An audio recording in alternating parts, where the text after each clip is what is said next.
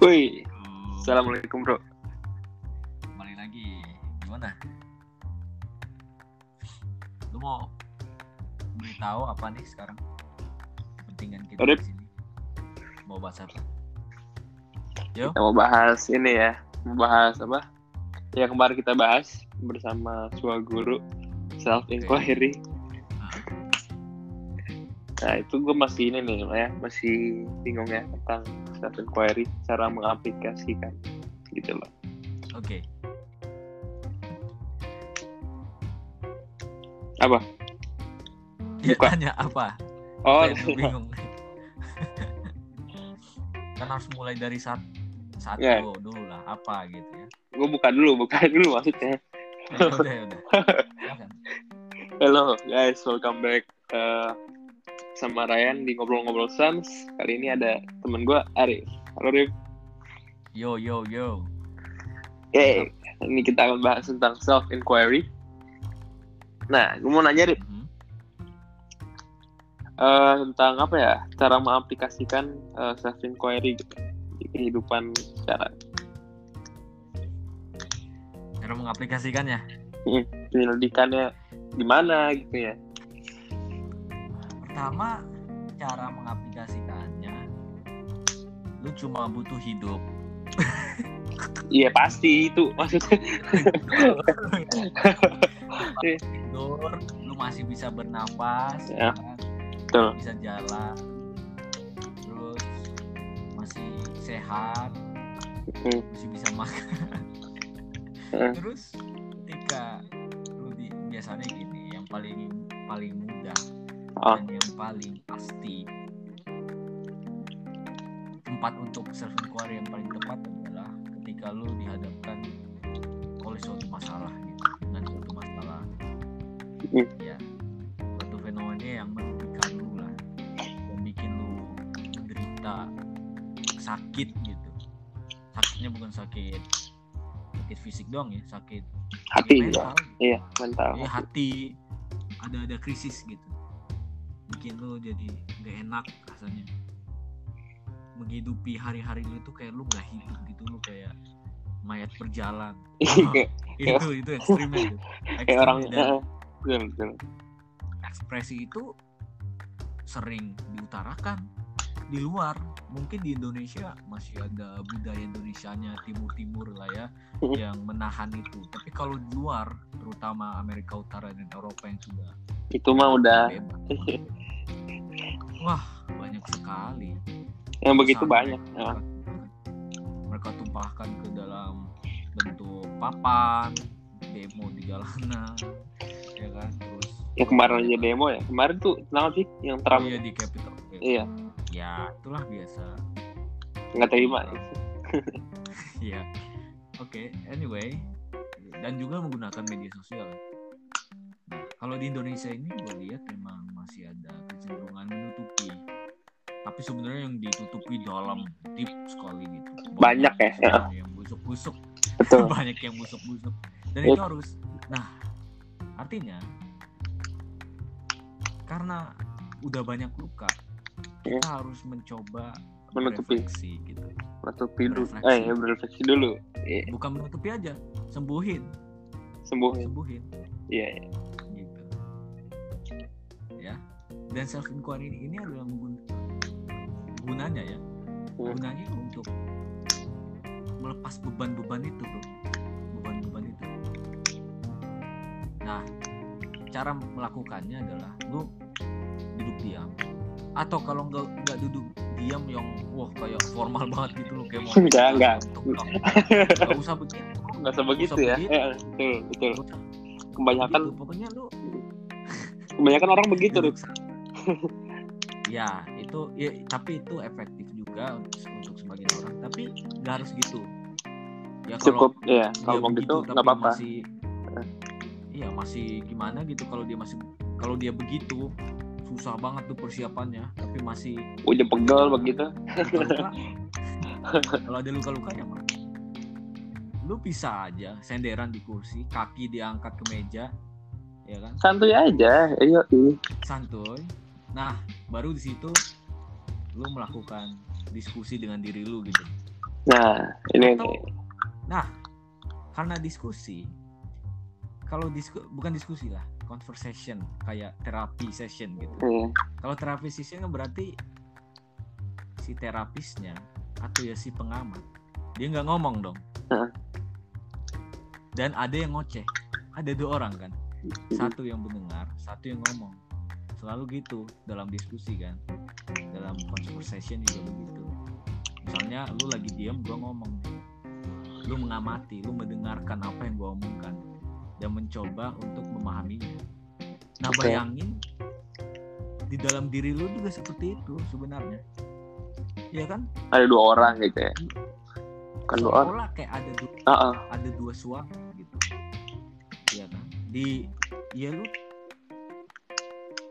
ketemu fenomena apalah lu langsung ngejudge itu kan suara di pikiran ini dia kenapa sih begini gitu Hmm. atau lu memprotes ke ya ke dunia ini gitu. Ini ngapain sih kok? Yang demi corona ini kok terjadi? Kenapa sih? Nggak sebenarnya nggak nggak harus sih begitu ya. Maksudnya buang-buang energi ya sih kalau menurut gua. Gitu. nah iya betul betul. Tapi itu refleks gitu loh. Refleks orang masing-masing beda-beda. iya kebanyakan orang itu mengatakan itu refleks. Padahal bisa dikendalikan sebenarnya. Atau kalau dia pun tidak terkendali karena memang untuk mengendalikan refleks itu susah Heeh. ya nggak perlu terpaku ke sana gitu ya kan Betul. ini sebenarnya pandangan ada dua Dua pandangan. dua suara gitu Hmm, coba. ada dua suara gitu. Hmm. pertama ada yang ngomong kedua Pengamat. pengamatnya Berarti yang ngomong Nah, itu suara dalamnya gitu ya. Kayak apa ya? Ya pikiran gitu kan. pikiran lu Iya, pikiran pikiran. lu nah kebanyakan orang terpaku pada si pikiran ini Betul. iya kan Jadi ya bikin apa ya? Overthinking kadang. oh Terus apa ya? Ya bikin jadi kalau overthinking tuh power banget sih ya. Gimana ya? Jadi belum iya, terjadi, ini. terus dia udah mikir begitu. iya Gue kadang juga masih dan begitu. bukan hanya yang Mm-mm. Bukan hanya yang belum terjadi yang udah terjadi Mm. masa lampau Oh iya, dia hidupkan lagi Betul, betul, betul. panasnya ya kan karena Atau sebenarnya Eh, Kadang masalah kecil gini juga nih. Gue juga pernah apa gimana, gimana? eh, overthinking kan. Emang gue kadang Ah, terus? belakangan ini corona gini gue sering banget gue nggak ngerti kenapa. Eh apa? Eh, misalnya masalah kecil nih. Apa ya? Ya masalah kecil. Abis itu kita overthinking nih. Ah itu orang marah kayak sama gue gitu-gitu. Itu paling rese emang. Ya gue ngomong sama diri Tapi sendiri secara- kalau begitu. Ya, kayak apa? Ah. ya? Kayak you're fine gitu-gitu lah. tapi tapi sekarang lu ngelihat itu konyol ya konyol gak Ya konyol ya, sebenarnya. maksudnya Ya konyol. ridiculous gitu ngapain gitu ngapain tiba-tiba mikir dia ah dia begini dia begini Mm-mm. mikirin diri sendiri Aneh, harusnya. Heeh. Ah itu gimana tuh? Kalau untuk lu sendiri keluar dari sendiri, situ gimana? Kalau gua kalau gua ya Hmm? eh, diajarin mama gua ya silent aja. Diajarin om eh, om Yes. Dame juga silent. Tarik napas gitu Dan- kan. working gak working. Working ya? Bikin kayak tenang gitu kalau betul iya iya. Nah Karena- silent itu lu ngapain sebenarnya sih? Kalau gua ngapain sih sebenarnya? tarik napas napas buang. Nafas sebenarnya tuh membantu ya bikin ketenangan gitu. Kayak apa ya meditasi. Pikiran. Meditasi kan beda-beda. Pikiran. Ya pikiran yang ngoceh tadi masih ada? Udah enggak pada saat lu tarik nafas? Enggak kalau tarik Masih ada. napas ya gua cuma ingat ya gue tarik napas tuh enak aja gitu pas tarik napas artinya pada saat lu silent itu lu nggak nggak terfokus ke sana lagi nggak gue tutup mata gue silent. Habis itu gue pokoknya semua lagu gue matiin. Apa ya ruangannya pokoknya sunyi bener sunyi. Langsung gue tarik napas oke. Udah. terus hilang gitu? Nggak hilang. Tadi itu pikiran tadi? Oh masih kiranya masih. Masih ada gak tadi yang ngoceh hilang hilang. Ya hilang. Gue dengarnya silang aja duduk ke sini. Oh gitu. Maksudnya iya dia nggak nggak powerful lagi kan jadinya? Iya. Cuma pikiran aja kan? Betul. Mungkin masih ada masih ada tapi nggak eh, nggak powerful. Nggak nggak mengambil alih otonomi kita gitu maksudnya tidak mengambil alih kuasa diri kita kan? Heeh. ya kan? Lu juga gitu nggak? Lakuin juga lah pasti ya?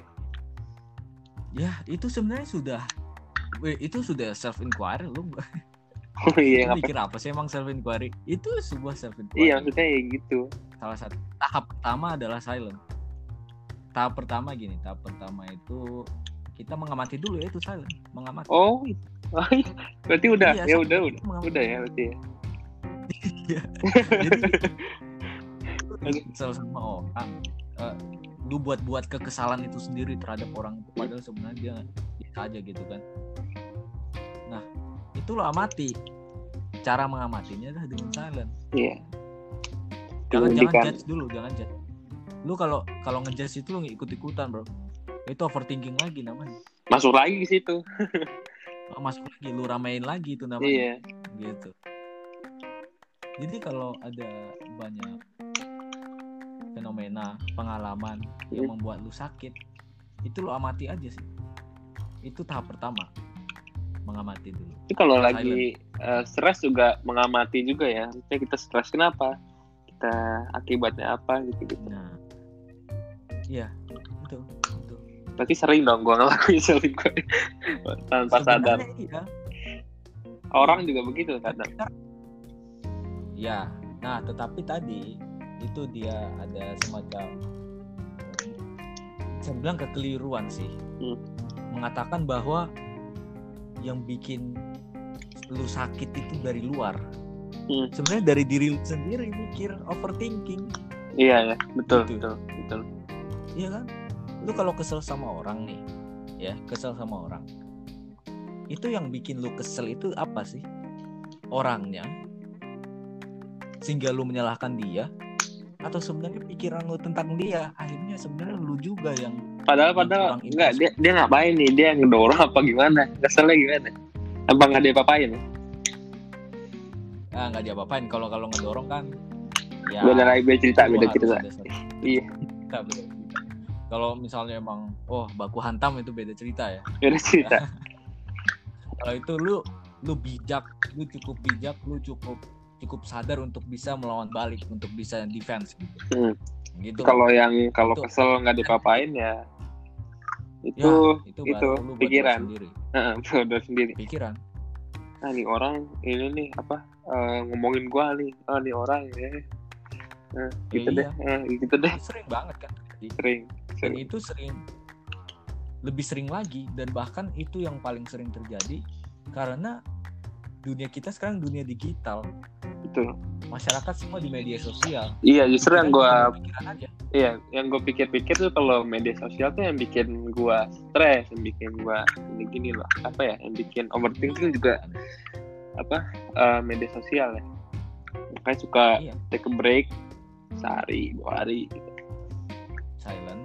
Silent itu silent namanya lu mengamati dulu Ya. Tapi gini pada saat lu mengamati bukan berarti lu meninggalkan secara total media sosial kan buktinya lu masih main Instagram ya nggak? Iya, enggak Atau- enggak enggak meninggalkan semua.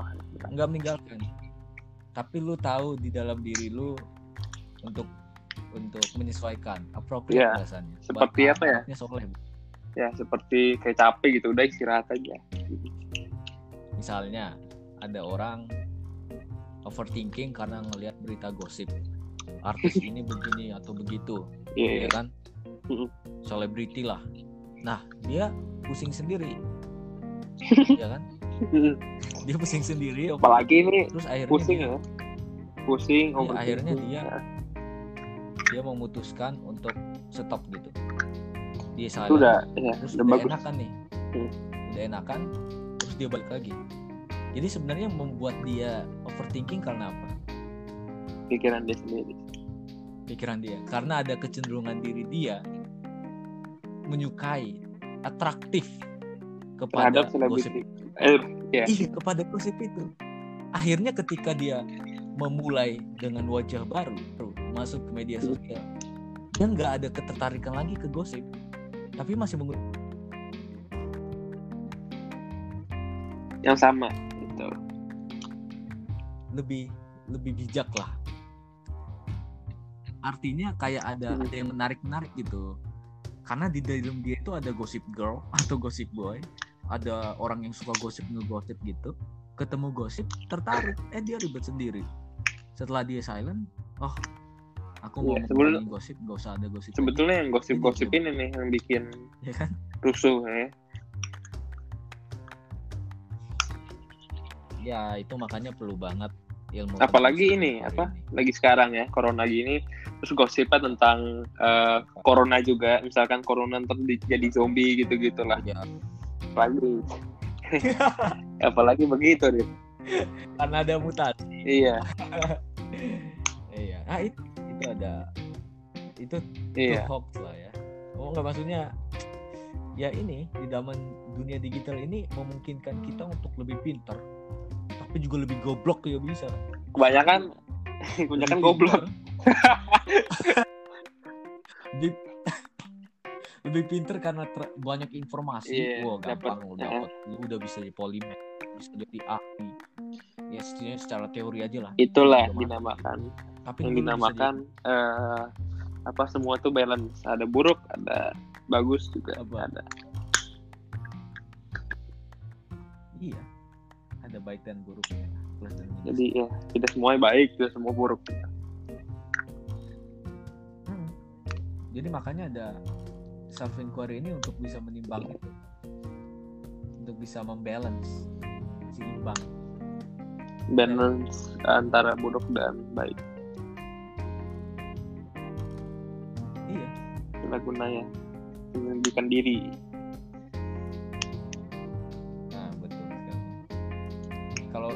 ada analogi, jadi jiwa kita itu kayak pendulum. Lu Pernah denger pendulum gua. Bandul. Heeh.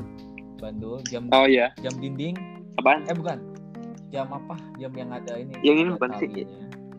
Terhubung ke suatu Eh, jam yang jam Iya. dulu itu loh apa sih? kayak di ini bukan sih kayak di London gitu kan Jam beda ya Nah, Oh, iya. iya ya itu di dalamnya kan ada ada itu. Nah, itu misalnya kita Hmm. mengayun dari sisi kiri ke kanan, mentok. Nah, pada saat udah di kanan banget, lu kecenderungan ke kiri lagi, terus ke kanan lagi, kiri lagi, kanan lagi, Hmm. ya kan? Gitu kan? Nah, manusia punya kecenderungan begitu. Ketika dia sudah sudah wah sudah merasa dirinya udah paling hebat, dirinya udah mencapai Tinggi. yang maksimal, itu ada suara-suara yang yang mengundang lagi ke belakang gitu.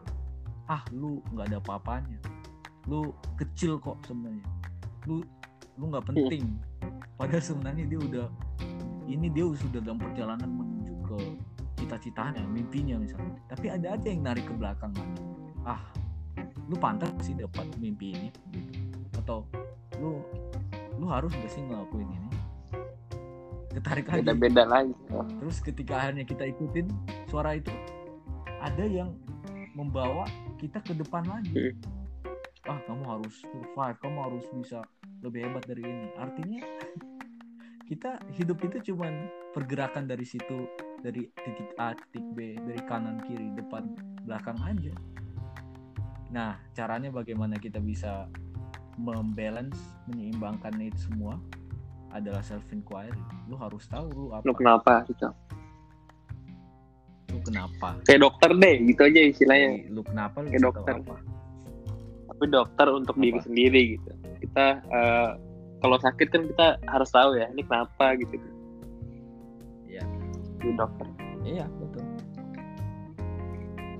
Setelah lu udah tahu kenapa lu bisa tahu resep obat yang pantas yang jujur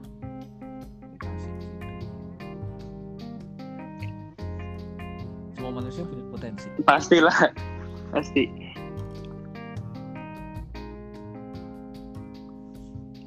Arif semua manusia punya, punya potensi sebagai dokternya sendiri